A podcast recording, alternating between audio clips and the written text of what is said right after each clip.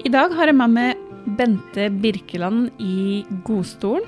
Eh, Bente har en eh, historie med feilbehandling som eh, vi skal få høre litt om i dag. Velkommen til deg, Bente. Tusen, tusen takk. Det var veldig fint at du ville bli med på en podkastepisode. Ja, jeg syns det, det, var noe som traff meg med den som sagt, den overskrifta du skrev under ditt navn og håp for morgendagen og alt. Så er det litt det jeg prøver med min historie, det å motivere til at det er håp, og at uh, jeg har litt sånn alltid hashtag 'aldri gi opp', liksom. For uh, jeg var jo i ferd med å gjøre det sjøl, og jeg så ikke liksom noe ende på noen ting. Men uh, jeg ga aldri opp. Jeg mistet aldri håpet helt. Og det viste seg jo at jeg kom ut på andre sida. Det tok Ja. tid, men, men jeg er nå her. og det er lenge siden jeg har hatt det så godt som jeg har i dag. Så bra. Så godt å høre Ja. det. Ja. Mm. Først så må jeg jo spørre det spørsmålet som du sikkert også har hørt flere ganger, og som eh, mange forventer å få i en podkast. Hvem er Bente? ja. Hvem jeg er per i dag, eller hvem som er typisk en Bente. Ja, Den typiske Bente er veldig utadvendt. Eh, veldig sosial. Eh, veldig Ja, jeg liker jo alle å si sånn om meg sjøl, men alle sier jo at jeg, når du kommer inn, så tar du hele rommet. Altså, de hører meg som regel før de ser meg. Jeg, eh, ja, jeg, kan, jeg er veldig nokså ledertype. Jeg er veldig kjapp til å liksom altså Samme hva jeg blir med i, jeg skal prøve å være passiv, så er jeg også leder eller nestleder. Altså Det skjer liksom gang på gang. Så jeg har jo hatt eh, en tid i mitt liv før liksom denne episoden eller dette ja, tragiske skjedde, da, så var jeg jo eh, hotelldirektør for to hoteller. Jeg hadde eh, politiske verv, at jeg satt i fylkestinget. Jeg satt i samutvalget så av samferdsel og sånn, og jeg eh, hadde masse underverv. Jeg sto som vara til Stortinget. Jeg var nestleder i NHO Reiseliv for Agder og Telemark. Og altså, Det var så vidt døgnet rundt, men jeg elsker det jo. Ja. Så, så det er liksom sånn typisk Bente. Og jeg går alltid all in med alt jeg gjør. Altså, det er ingenting er halvt, for da lar jeg heller være. Så jeg, eh, jeg elsker å jobbe, og jeg elsker å være på farten. Altså, det, det, det er liksom den gode, gamle Bente. Ja. Det har jo skjedd litt nå. Jeg, jeg vil så gjerne være den ennå. Jeg sier jo at 50 år er de nye 40, så, eh, så jeg, jeg, skal, jeg, vil, jeg vil jo helst helt tilbake igjen. Men jeg har jo, jeg har jo litt varige men i forhold til det som skjedde, pluss at jeg har jo en rygg som ikke er helt optimal, kan du si. Men Ja. uh, hodet virker veldig godt, så jeg kan gjøre veldig mye med hodet. og med, så ikke, Men jeg kan ikke bruke kroppen i den grad som jeg gjorde før. Nei. Det er det eneste. Men det er liksom det som er den typiske Bente. Alltid, altså det var mer sånn alltid på farten. Altså, Ja. det kan jo... Jeg er veldig løsningsorientert. Jeg føler jeg er veldig positiv. Jeg har alltid en plan B. Mm. Og jeg, eh, det mannen vil si altså Jeg sier jeg er løsningsorientert, men han sier at det, det som karakteriserer meg, mener mannen min. Han mener det er pågangsmode. For et større pågangsmot har han aldri møtt i sitt liv. Nei. Når andre gir opp, så da får jeg inn et ekstra gir, mener han. Og så da skal jeg i hvert fall til bunns i det. Ja. Da gir jeg meg aldri. Så bra. Det mener han. Altså, Ja. Jeg sier alltid at nummer én er løsningsorientert. For jeg syns det er litt positivt at jeg stopper ikke opp for det om det er en altså, Da kommer jeg til plan B og plan C om så skulle være. Jeg har liksom alltid backup. Ja. Men han sier motsatt. Han sier at pågangsmotet mitt altså det har han aldri sett magen på. Mm. Og litt sånn som vi kom inn på senere i podkasten, om du vil. Ja, men eh, det er jo sånn at uh, med den saken min som har blitt trenert og trenert, altså, Ja. altså nå når jeg er liksom eh, Jeg blir knust hver gang, men så kommer jeg igjen, og så får jeg bare enda større lyst til å fighte, og så Ja. prøver jeg å finne enda sterkere effekter for å nå gjennom. Mm. For jeg har tross alt fått uh, Altså, det er jo behandlingstida jeg uh, kjemper for. Mm. Så, så, så den kampen tar, skal jeg ta for hele Norge. Men det, liksom, det pågangsmotet, mener han etter fem år, at det fortsatt engasjementet er så sterkt. Ja. Det syns jo han. Og det er, det er sånn som karakteriserer typisk meg. Ja. For, for hva var det som skjedde for fem år siden da, Bente? Det er Ja, nå, ja i eh, Altså, det, det, jeg må mest gå enda lenger tilbake. Ja.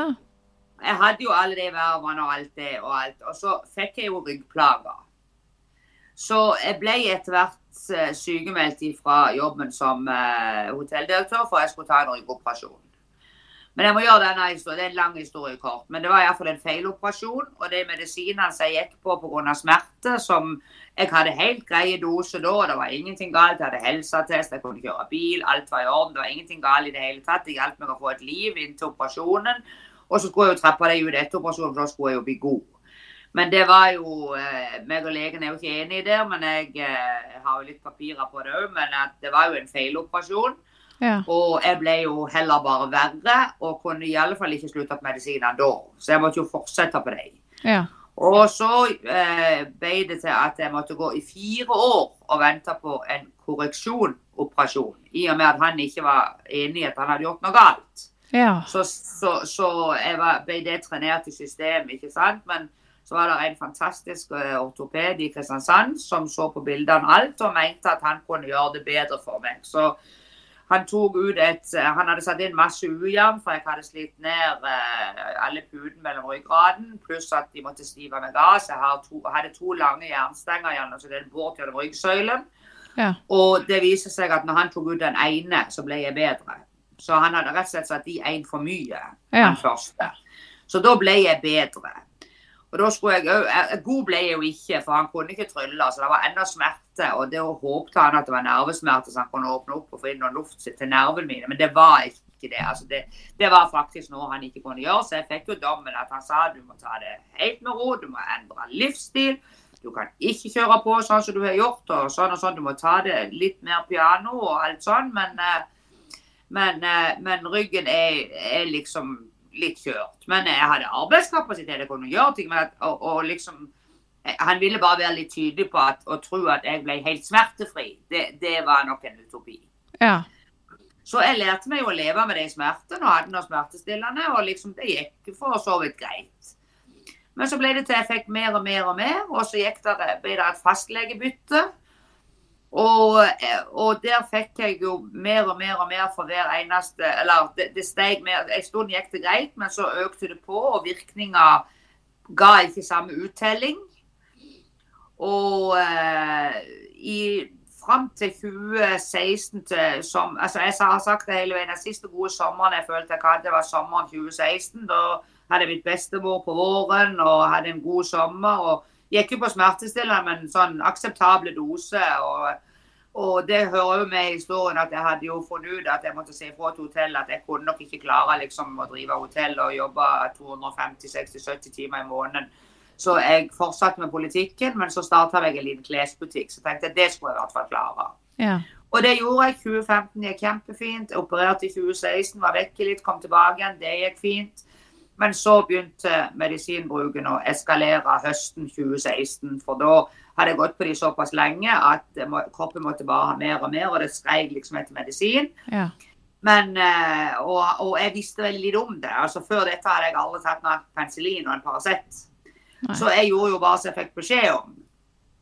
Og så merka jeg jo etter hvert utover høsten da, at jeg ble sløvere og sløvere og sløvere. liksom, at Jeg var klar i hodet på en måte, men jeg, altså, det er liksom jeg bare husker at jeg ble fryktelig trøtt. Ja. Og jeg har jo skjønt i ettertid jeg har jo tatt beslutninger som jeg aldri ville tatt hvis det var i dag. Altså tapt veldig mange Det er jo millionbeløp jeg har tapt, rett og slett. på Jeg tok inn kolleksjoner som omtrent skulle tro jeg drev henne som Euros. Ikke en Jeg drev en italiensk nisjebutikk med litt tilskudd av norske varer òg. Men jeg eh, tok jo inn varelager og undertøyslager og jeg som eh, Ja, jeg er en som aldri blir lurt. Og hvis jeg blir det, så glemmer jeg det, for jeg hater det. Men jeg var sikkert en drøm for selgere, for jeg sa jo ja til alt. For jeg, jeg mista litt av den kritiske sansen, og det skjønte jeg ikke sjøl der og da. Nei. Jeg bare tok inn og tok inn og tok inn og regnet på at dette vil gå greit. og Alltid hatt 5-6 i matematikk og liksom er kjent for å ha skikkelig god kontroll på penger. Og alltid klart meg sjøl og Mm. god sparekonto. Mer eller, ja, jeg var i ferd med å mer eller mindre kunne bli gjeldfri og alt. Men i løpet av det siste året da, med alle de medisinene, så brukte en jo opp omtrent alt av reservekapital. Og allikevel så gikk jeg inn privat. Jeg hadde jo aldri gått inn privat i et, et, et foretak. Da hadde en jo avvikla det. Mm. Men jeg gikk inn med private midler, for jeg skulle ikke slutte. Det skulle gå greit. Så jeg brukte jo opp masse private midler som jeg hadde spart i alle år, og økte til og med lånet på huset for å klare butikken. Og dumme ting. Så jeg aldri, og det vet jo jeg er medisin av seg sjøl. Det hadde aldri skjedd hadde det ikke vært for det. Nei. Men i mitt hode så var jeg bare trøtt av de. Jeg, jeg skjønte ikke at det skjedde noe med det psykiske eller med vurderingsevnen. Mm. Men, men hva, hva, hva skjedde i det når, når du fikk beskjed av legen om at eh, du kan ikke fortsette? For du sier jo Bente er en person, eller den Bente var før, da, var en person som var veldig driftig, du var veldig på, du hadde pågangsmot, som du fortsatt har, da. Men em, det at du måtte bremse ned, endre livsstilen din, hva, hva skjedde i det da? Ja, det, det hadde jeg jo vanskelig for å svelge. Så han var jo veldig brutal med meg. Og det jeg endra livsstilen på, det var jo at jeg eh, sa opp jobben på butikk på hotellet. Ja. Det var jo det som var det tøffeste.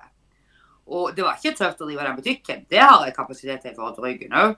Og, og det var ikke legen min heller imot. Men jeg måtte roe ned. Altså, jeg kunne Mm. ikke liksom ha en haug med verv, være nestleder, eh, drive to hotell. altså men når jeg på en måte hadde sagt fra meg hotellbiten og drev denne lille nisjebutikken og reiste til Italia hver tredje måned altså det, det fungerte helt greit for ryggen. Det, det Mm. klarte jeg. Mm. Så lærte jeg meg å leve etter det. For, for det var ikke snakk om at jeg ble ikke ufør på en måte. Jeg, jeg skulle Altså, jeg gikk på arbeidsavklaringspenger, så jeg ikke klarte å jobbe helt fullt. Mm. Men, eh, men eh, noen ganger klarte jeg Jeg skrev av de timene jeg jobbet, og så hadde jeg ansatte som hjalp meg ut. og ja, I uke kunne jeg være litt dårligere enn ellers, men da innretta jeg meg etter det. Og så hadde jeg gått en veldig grei ordning. altså Når jeg ikke var så veldig god og kanskje hadde hatt litt tøffe dager, så, så fikk jeg hjelp og hadde vett å se det. Mm. Men eh, så en annen uker jeg følte jeg eh, fungerte fint igjen. Det varierer. Det kan ha så mye som spiller. Det kan være været, det kan være om du har slappet av godt i helga. altså det kan eh, Mye som spiller inn om du har en god mandag, tirsdag, onsdag eller ikke. Så Ja. jeg så dagene an. Jeg følte egentlig jeg var ganske flink til det. Ja.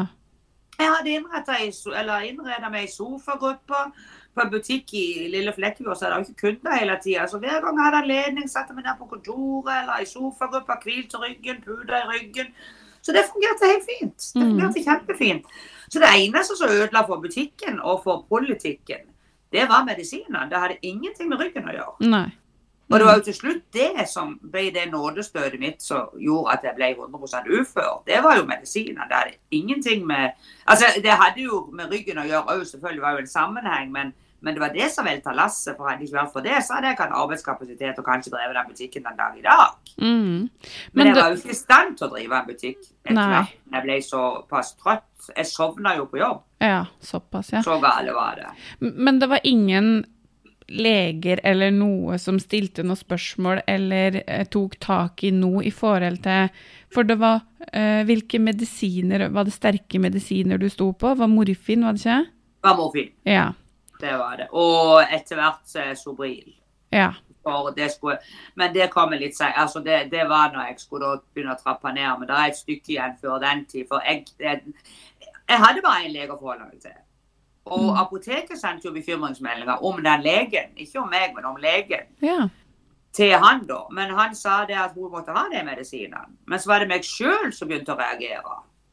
Og det var selvfølgelig venninnene som reagerte, men de var jo veldig forsiktige med å si noe til meg, liksom. Men de merka jeg begynte Jeg har jo alltid hatt sånn stålhukommelse. altså sånn At jeg mest kan irritere folk omtrent, for jeg har så, så irriterende god hukommelse. Det var sånn Å nei, det var ikke da, det var 13.2.1982. For det var da Carola var Altså, altså ikke Ja. sånn, altså jeg er veldig sånn så, men jeg begynte å glemme litt ting. Det skjedde jo aldri før at Bente glemte noe. Og jeg begynte å Hadde jeg sagt én ting, sa jeg på en venninne av meg, så kunne det gå en halvtime på det samme besøket, så kunne jeg plutselig fortelle samme historien igjen. Ja. Jeg visste jo ikke dette, men de hadde sikkert himla med øynene bak ryggen Men jeg tenkte, Dette sa hun jo før, det må jo være et eller annet. Hun ikke seg sjøl. ja. Så, men jeg var visst veldig god på en måte til å ta meg i hop òg for de aller fleste. For det er folk som har sett meg, eh, naboer f.eks., som har sett meg daglig, de har ikke merka noen ting. Så, så på et eller annet vis, og, og det sa de jo òg, altså folk sånn etter hvert når jeg kom på avrusning, da, så sa jo hun overlegen det til meg at eh, jeg hopper litt nå. Men, men da sa hun òg til meg at hun aldri sett jeg kunne sitte i en samtale der vi hadde legevisitt. Der jeg var så trøtt at for jeg gikk jo ennå på høye doser der inne, for de måtte jo trappe ned forsiktig. Ja. Og så sa, jeg der, og så dukte jeg av i en samtale sånn at jeg var vekk i et halvt minutt kanskje, så tok jeg øynene opp igjen. Men hun sa idet du er tilbake igjen, så er du kjappere enn meg i hoderegning. Ja. Og allerede da så hadde jeg ved til å begynne å skamme meg. Altså, jeg kjente jeg hadde vært vekke. Så jeg liksom har vært mangt med i samtalen momentant igjen. Altså, så, så jeg, altså, jeg, jeg, var et mysterium. Det var jeg jo. Mm. Og levd skulle jeg jo aldri. Altså, jeg, jeg, er jo død ganger ti, holdt jeg på å si. Så, så jeg ble jo mistenkt for videresalg, for ingen kunne overleve sånn en dose. Nei. Og da var det snakk om én av de dosene mine. Jeg tok ti til dagen. Men, men eh, altså, nå vet jo ikke jeg hvor mye Altså, hvor mye var det du fikk? Altså, eh, jeg bare stiller litt sånn Jeg blir litt sånn undrende over hvordan legen kunne gi så mye, da. Altså, ja, det er det det er jo restriksjoner på det. Ja, men det er de, det de fleste gjør. Altså, så det er jo der, altså, når jeg begynte å merke det sjøl, så altså, jeg merka det spesielt når jeg gikk inn i jula 2016. Altså, da sa søstera mi til meg at eh, jeg skjønner ikke hva det er, du er liksom ikke helt deg sjøl. Liksom, og, ja, jeg hadde litt mest problemer med å holde hodet litt oppe. Jeg begynte å bli slapp i muskulaturen, for det var tungt å holde hodet oppe. og og alle trodde jo det var bare for jeg hadde vondt i ryggen, men, men altså, ryggen er der jo ennå. Men nå er jeg oppreist, og jeg, har jo litt sånn lutrygga pga. at jeg er avstiva. Men altså, hodet henger ikke her nede lenger. ikke sant? Altså, hodet hang, altså, det var slett at jeg hadde så mye medisin at muskulaturen ble slapp, hvis du skjønner. Ja. Så det var mest vanskelig å holde hodet oppe. Så du, du så, men alle trodde jo det var pga. ryggen. Så liksom på et eller annet vis så har det vært litt flaks oppi det hele at jeg hadde ryggproblemer. For uh, de, når jeg så litt rar ut og kanskje litt sånn, så har de sannsynligvis hatt forbindelse med at var sikkert mye smerte. Ja. Nei, jeg gikk opp i januar da, 2017, da, etter den jula, så jeg følte sjøl at jeg eh, var ja, trøtt og sliten og utenfor. Jeg følte rett og slett allmenntilstand. Det var akkurat som jeg begynte å bli litt redd. Og da gikk jeg opp og da sa jeg til legen min at jeg føler at, eh, at det er noe galt med allmenntilstanden. Jeg fungerer ikke sånn som jeg vil. Jeg er sliten. og ja, jeg er bare ikke meg sjøl, og jeg sovner midt i samtaler og sånn. Jeg, jeg, er bare rett og slett sliten. Og jeg, jeg, føler at det er noe galt, akkurat som jeg er sjuk på en måte, sa jeg. Ja. Men liksom, jeg følte ikke at jeg ikke var med i hodet, så jeg sa ikke det. og det merker, Han syntes òg jeg virka krystallklar i hodet, men jeg sa bare at jeg føler allmenntilstanden er dårlig. Mm. Og, men da, og, og, og, sa jeg altså, er det mulig for å bytte medisin? Eller, så naiv var jo jeg. Du gikk på mange tusen milligram i døgnet, det høres helt vilt ut. Men jeg spør hvordan jeg bytter bytte medisiner. Så sa jeg nei, jeg visste ikke noe om det, men det var nok jeg hadde fått så høy toleransegrense, så hvis jeg ikke følte meg god, så var det nok det som spilte inn, så da måtte jeg ta litt mer. Oi. Så jeg gikk enda mer. Og så skjedde det, og jeg ble jo bare dårligere. Og så mm. skjedde det samme i februar. Og så ble jeg jo enda dårligere, for da fikk jeg jo det svaret. Så, altså, så, jeg kritiserer ingen, og jeg er ikke bitter, jeg skal ikke gjøre noen ting sjøl. Og, og, jeg angrer jo Eller jeg har jo gått og klandra veldig meg sjøl hvorfor jeg ikke hadde pågangsmot nok til å si at jeg må ta på ned på medisiner, istedenfor bare liksom ta mer fordi at jeg fikk lov, liksom. og men, men, du kommer til et punkt at det, det, gjør noe med deg, så jeg orker rett og slett bare ikke å ta det, eh, stilling til det òg. Altså. Mm. Jeg, jeg liksom mer enn nok med å komme gjennom hverdagen. Og det er jo tydelig det når jeg har gått på så mange dødelige doser, så har jeg selvfølgelig hatt mer enn nok med bare å holde meg uten å gjøre noen ting, så hadde jo ting med som det var bare å være på beina i 16 timer i døgnet er jo tøft nok for et menneske som er der livet henger. Jeg var jo mer død enn levende, liksom. Ja. Men allikevel så prøver jeg å ta meg sammen, så jeg lever liksom et vanlig liv. og men jeg, eh, altså etter, jeg sovna på jobb én gang. Da var det ei som trodde jeg hadde fått hjerteinfarkt. For da lå jeg og hang over et sofahjørne. Og da kom hun inn. Og da kjente jeg òg skammen når hun vekte meg. Så jeg, 'Å, beklager', sa jeg. 'Å, herlig'. Jeg var helt krystallklar med, for jeg begynte å skamme meg. Så sa jeg 'Å, beklager', sa jeg. Og jeg har vært oppe i hele natt pga. ryggen, så jeg var så sliten. Jeg satt meg ned og skulle hvile ryggen og se litt på TV når ikke det var kunder, sa jeg. Og så dukket og slett av. Unnskyld. Og ja, men det var ikke farlig, det var bare det så så galt ut fra gata, sa hun. Jeg var redd du hadde fått hjerteinfarkt, sa hun ja. liksom. Men så, og, og, hun, og, jeg var sikkert helt klar med en gang, tydeligvis. For det hun sa etterpå, så hørte hun sa til venninna Stakkar, hun sliter så med denne ryggen. Hun jobbet jo så mye, men hun sliter så med denne ryggen. Så hun hadde sånn opp med ryggen. Så hørte jeg hun sa til sin venninne. Ja. Så det var derfor hun var så trøtt. Så, så stakkars, hun, hun, hadde satt seg ned. Og jeg hørte liksom samtalen som hun beit på med en gang. Mm. Og, så var det, og da skamma jeg meg veldig, men jeg tenkte OK, dette gikk greit. Så gikk jeg på jobb litt til.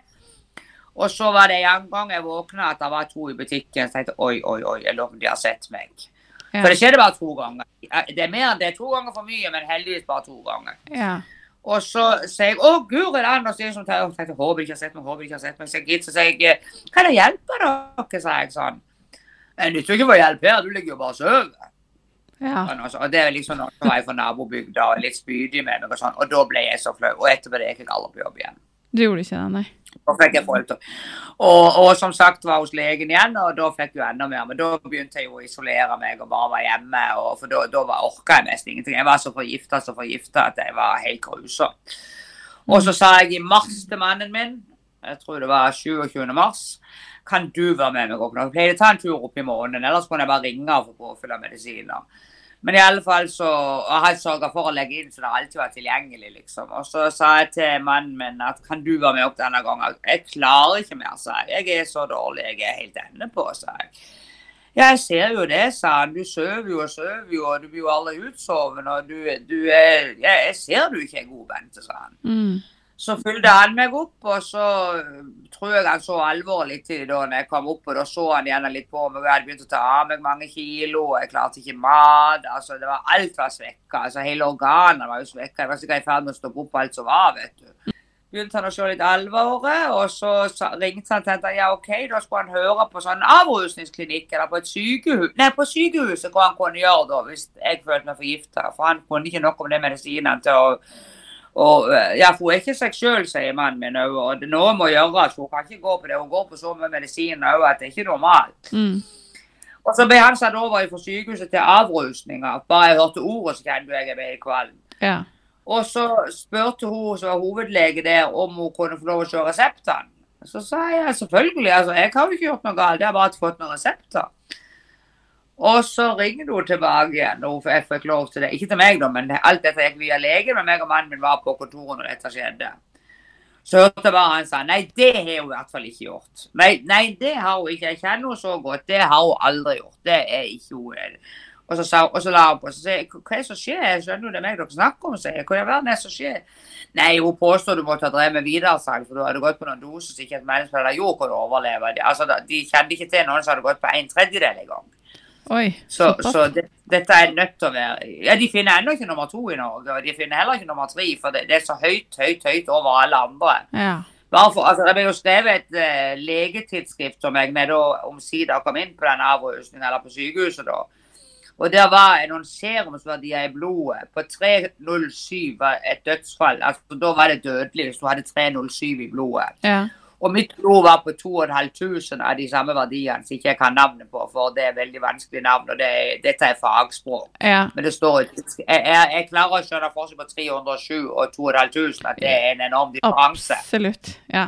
Men så står det i tidsskriftet etter det at de forventa at det var en god del høyere enn 2500. Så at det bare var 2500, forsterka deres mistanke for videresalg. Ja. Jeg, skulle, jeg vet ikke hva jeg skulle hatt i forhold til at det skulle stemme det jeg sa med de dosene, men det var for lavt i forhold til at jeg skulle ha tatt så mye, mente de. For det om det var så dødelig Altså åtte ganger dødeligere enn det siste som hadde dødd, ikke sant? Så Mm. skulle jeg vært død åtte ganger til dagen. Men som sagt så Eller sju, åtte, ni, ti, alt etter som. Men i alle fall så, så eh, så, så skulle vi som sagt vært enda høyere, og så sa hun det at sånn, ingen kunne overleve det, de dosen, så jeg var nødt til å ha videre. Ja. Men, men da ble du, ble du sendt inn til avrusning, da, eller? Nei, det var jo ikke så enkelt, for da eh, fikk jo legen panikk, og da tente jo mannen min litt, for da sa jeg, men hva sa gjett du dette? Du vet jo hvor spent jeg er i forhold til leger, og jeg vet jo hva, for de ville ikke ha meg på avrusning, de trodde meg jo ikke. Nei. Det var helt sikkert på at her er de som drev med videresalg, så det, det var ikke snakk om å komme inn der. Nei. Og han søkte og søkte, men han fikk bare avslag. De sa vel ikke de hadde plass, men eh, det var nok litt for de trodde altså, Denne historien var for utrolig til å være sann. Så dette var jo da i mars. Ja. Og, men han fikk jo panikk, for han visste jo for lite om disse medisinene, så han sendte meg rett ut på akutten i Flekkefjord. Ja. Men eh, der hadde de jo ikke nok medisin til å ha meg på hele sykehuset. Altså, De ga meg brett på brett på brett og begynte jo omtrent å gå tomme. Jeg lå der i sju timer. Jeg måtte jo ha påfyll hele veien, ikke sant? for det, det, kroppen bare skreik etter det. Ja.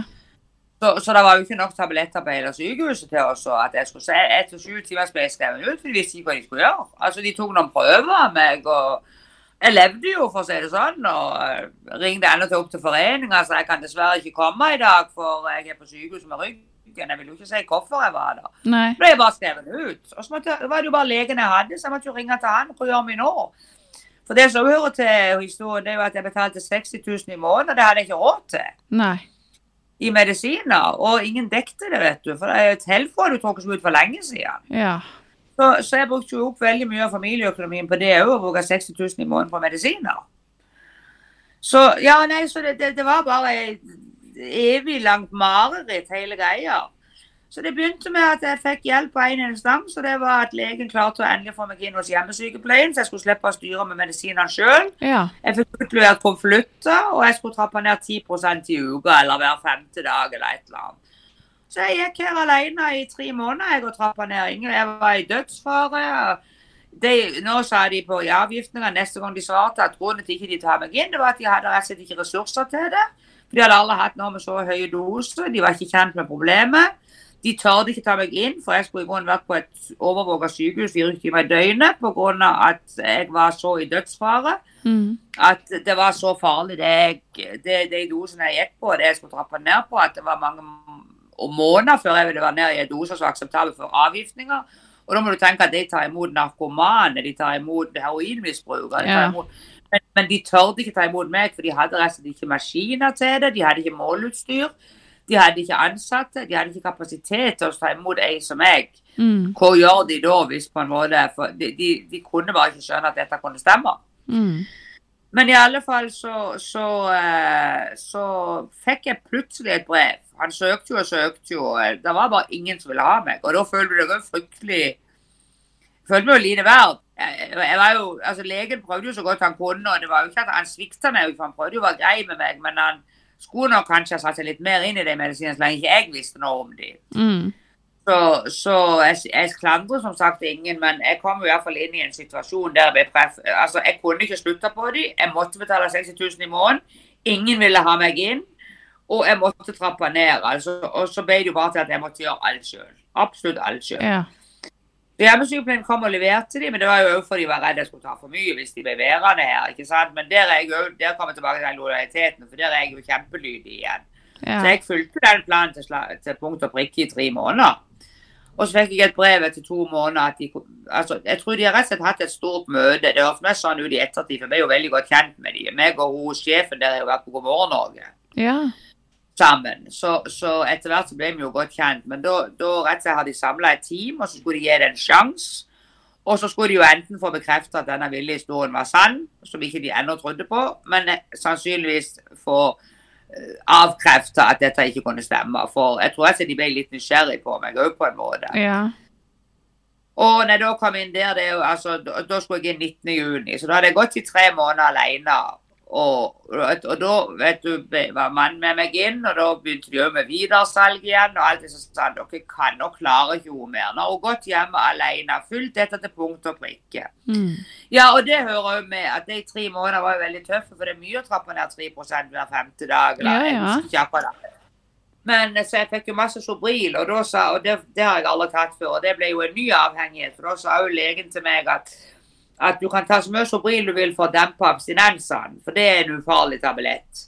Så jeg tok jo Sobril, så bare det som endte ble jo at folk tar jo 10 mg Sobril. ja. Men jeg, når, jeg, når jeg kom inn på avgiften, så gikk jeg på 500 mg Sobril Såpass? til dagen. 500 til dagen. Så det, det, altså jeg tok jo 50 mg annenhver time hele døgnet for å holde i sjakk abstinensene. Så plutselig hadde jeg den avhengigheten. Jeg, jeg spiste jo 200 tabletter med Sobril i uka. I alle fall. Ja. Oh, Og de andre tablettene spiste jeg jo altså Så jeg tok jo sånn Til dagen var jeg oppe i et par hundre tabletter.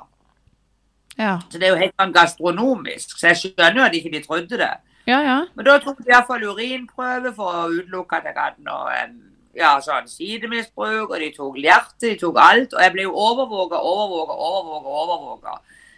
Og så tenker jeg, her har gått i tre måneder og vært høyere, for da har jeg trappa ned ganske mye alene, faktisk. Jeg var jo langt fra det høyeste etter tre måneder, for da har jeg trappa ned 3% 10 Ja. én til to ganger i uka. ja. Men likevel, da var det jo så strengt at altså, det var knapt jeg fikk lov å gå på butikken, for de var så redd jeg skulle segne om når jeg ikke hadde folk rundt meg. Altså, eller du må jo gå i samla flokk Men du, jeg, altså, de var inne og sjekket blodtrykket mitt flere ganger hver natt. Og jeg var jo så passa på og ivaretatt der inne. Så tenker jeg, Men de tre månedene, da var det jo bare legen som hadde ansvar for meg, ingen andre. Så, så da var det jo mannen min som hadde funnet meg død eventuelt. Det var ingen Ja. som sa det til han at hun er i dødsfare, at hun kan dø hvert øyeblikk. Så det har jeg gått til lykkelig uvitenhet. at Jeg, jeg visste jo at det var farlig, det var noe som jeg trodde ikke det var sånn at, jeg, at det var så dødelig at jeg kunne stryke med av det. Jeg hadde jo tross alt blitt skrevet ut av sykehuset, de ville ikke ha meg der, for det var ikke noe de kunne gjøre. Jeg måtte bare trappe ned, sa de bare. Så jeg visste jo ikke hvor farlig det var før jeg kom inn på avrusning. Nei. Og vanlig opphold er jo tre uker, og jeg fikk ikke lov å reise hjem før sju uker, for etter sju uker var første dagen jeg var ute forbi dødsfare. Såpass, ja.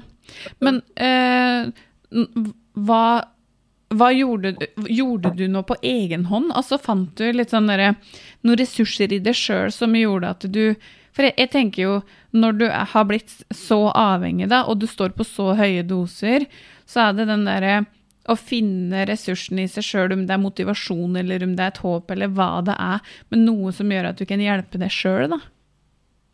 Ja, det, altså det var jo Motivasjon er vel det beste du sa. At, at eh, altså, Jeg var jo ikke glad på noen tidspunkt. Jeg hadde det jo helt pyton. Jeg ville jo helst bare gå ut av den døra hele tida. Men altså, det var litt økonomi, eller mye økonomien som styrte det. At jeg hadde ikke råd ut av den døra. Ja. For da måtte jeg hjem og betale. Jeg, jeg, jeg vet jeg er så sta at det virker så et, Så lenge jeg klarte de tre første månedene, så skulle jeg nok klart resten òg. Ja. Men når jeg kom inn der, så fikk jeg det dekka. Så ærlig må jeg være. At, mm. at jeg var der jo mye på grunn av det. For jeg holdt meg veldig mye for meg sjøl. Og jeg var jo livredd for å gå på gata for å møte noen i fylkestinget f.eks. Så jeg var jo helt isolert. Og pleieren skjønte jo det var noe spesielt med meg, at jeg var liksom ikke helt sånn A4-pasient. Så de gikk jo tur med meg alene, for jeg skjønte jo at jeg på en måte hadde litt verv og var veldig redd for å vise meg. og Mm. ja, jeg, nå har jeg jo stått fram med hele historien, men det føltes ikke sånn da. ikke sant? Da var jeg bare, gjorde jeg alt for å skjule det, og alle bare trodde jeg var et sted pga. ryggen. Ja. Det ble jo veldig viktig for meg.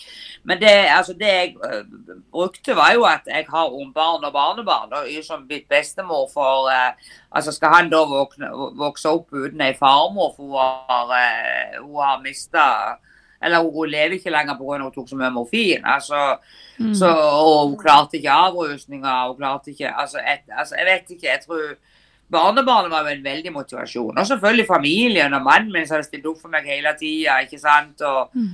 Så det er jo at jeg, jeg, jeg følte jo ennå jeg hadde så mye å leve for. Jeg hadde jo så mye Jeg skulle liksom bare bli ferdig med dette. Så, så jeg ville våkne opp. Jeg spurte om ikke de kunne avruse meg mens jeg lå i kø. For det, det er faktisk, det går an i utlandet noen som gjør det.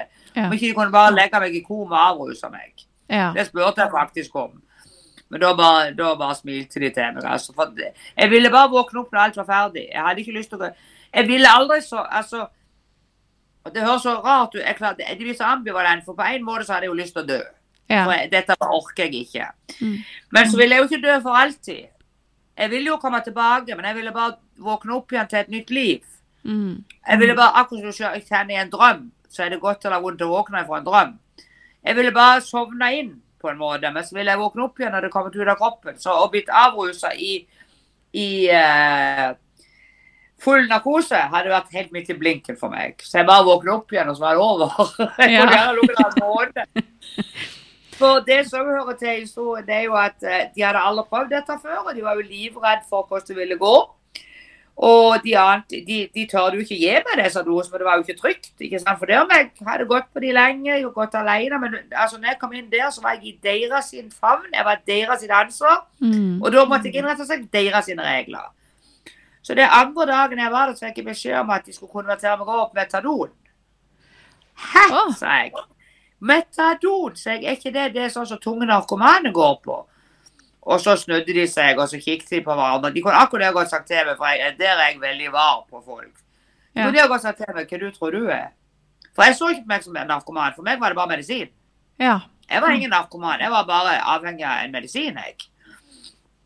Men det var sånn Og så fikk jeg jo vite etter hvert at jeg var jo den verste som var der inne. Det var jo jeg som sa til meg daglig, og det gjorde jo noe med sykemenn. Hver dag sa hun til meg ja, dette er gale, altså. Jeg har aldri igjen, aldri noen, ikke den verste heroinisten har fått så mye tabletter som du får. Er ingen som har fått så mye. Altså, dette er det verste tilfellet vi noen gang har hatt. Jeg skjønner, altså. For etter tre dager så måtte de jo erkjenne at dette For de, de sto jo klar med hjertestarter og alt visstnok da jeg fikk den første dosa. For de trodde De var redd at jeg var så sta at jeg bare skulle ta den dosa for å bevise at jeg ikke solgte videre. Ja. Og så ville jeg gå på en smell. Men så står de der på sida av meg, med, eh, de hadde jo gjemt apparater på bakrommet, men de satt klar visstnok et helt vaktteam. For de skulle springe inn, for de regnet jo med jeg ville dette om.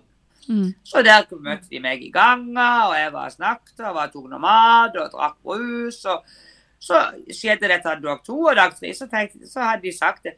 «Du, det, det, Dette mennesket, hun snakker farlig med sant. Hun har fått så mye av den legen. Hun går på dette.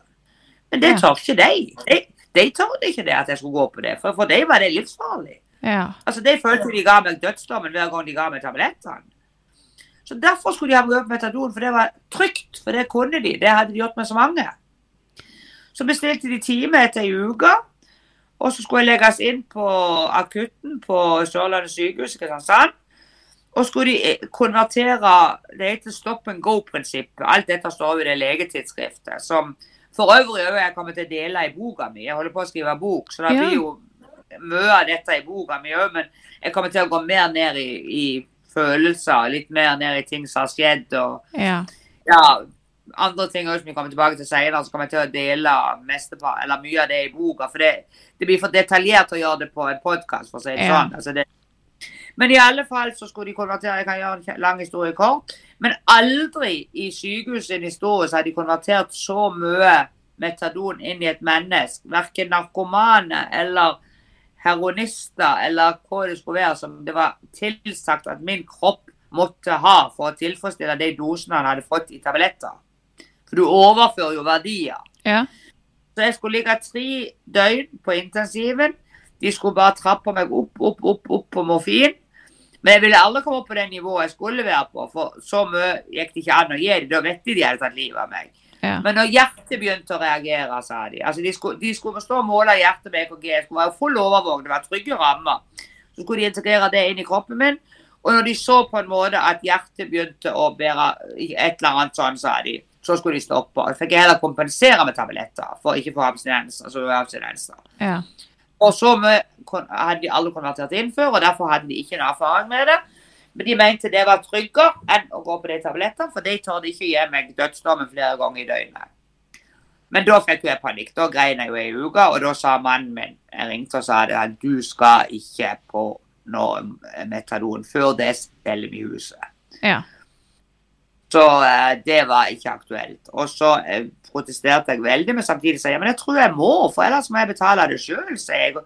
Hvis dette varer i månedsvis, jeg har ikke råd til 60 000-50 000 i måneden kanskje et år framover. Det er jo mye oppi en million, da, sa jeg, i forhold til det jeg har betalt. Ja. Bare i medisiner. Ja, men da får vi selge huset, sa han. Du skal ikke på metadon. Du blir aldri vendt igjen da. Og det vet jeg. Jeg hadde jo aldri trodd her i dag kan jeg gått på metadon. Det, var, jeg, det er jeg bare helt sikker på. Ja. Det har sikkert hjulpet mange, men eh, jeg skal ikke være imot det. Men vi fikk iallfall prøvd at jeg kan trappe ned på de andre, og det gikk an. Ja. Så de lærte jo nå der inne òg, så de, de, det står jo i legetidsskriftet også at de hadde alle trodd det, men det gikk greit. Ja. Det tar tid, men det går greit. ja. Hvor lang tid Det hadde jo vært like langt. Jeg måtte jo ha trappet ned metadonen òg etter hvert. Ja. Men det hadde de, mer kontroll, de hadde mer kontroll på det, mente de. Ja. Men, Men for meg var det bare helt forferdelig. Det var, jeg ble helt totalt knust. Jeg har aldri vært Ja. så langt nede i hele mitt liv. hvor lang tid var det du var inne på avrusning, og, og altså hva Hvor lang tid brukte du på en måte på den nedtrappinga, da? Og så var det jo både Det var jo både morfin, men også Sobrilen, da. Sobrilen òg, ja. Ja. Altså, Sobrilen var jo veldig ille. Den var veldig vanskelig. Og det vet jeg veldig mange sier som har vært på avrusning, at de klarer på en måte å trappe ned liksom det meste til et akseptabelt nivå. Helt ut, altså et eller annet. Men Sobrilen sliter de med. Alle Mm. sliter med. Men i alle fall så begynte jeg å trappe ned 27. mars hjemme. 19. juni der. Og som jeg alltid sier, for det er det mitt stolteste øyeblikk, 1. desember kjørte jeg bil igjen. Ja. Da var jeg stolt. Ja. det skjønner jeg. Ja. Det, altså, du blir jo ikke fratatt sertifikat, men du får, en lege bestemmer jo at du, Ja, ja. du får så så lang tid på deg. ikke sant? Men den dagen sto jeg med helseattesten i hånda at jeg var på Jeg var ikke helt i mål, men allikevel så var jeg der at jeg hadde helseattest. Jeg hadde godkjent av ja, både lege og fylke og alt, og jeg sto med den i hånda, så jeg kunne bare sette meg inn i bilen og kjøre. Ja. Det er jo Det var 27. mars til 1. desember. Ja. Men så ble det mørkt. Det var lyspunktet. Men det, du spurte hvor lenge jeg var der. Det kan du se det inn der. Jeg var der i sju uker, som sagt, før jeg var utenfor dødsfare. Ja. Gikk jeg hjem, fortsatte hjemme alene, for da begynte jeg å føle meg veldig klar for å gå hjem, for sju uker er lenge. Ja. Jeg ble jo en slags eh, hjelper der inne. De sa det at du, du er en veldig ambivalent person. For på en måte så er du det verste mennesket, eller det verste Tilfelle. tilfellet jeg har Mhm. behandla.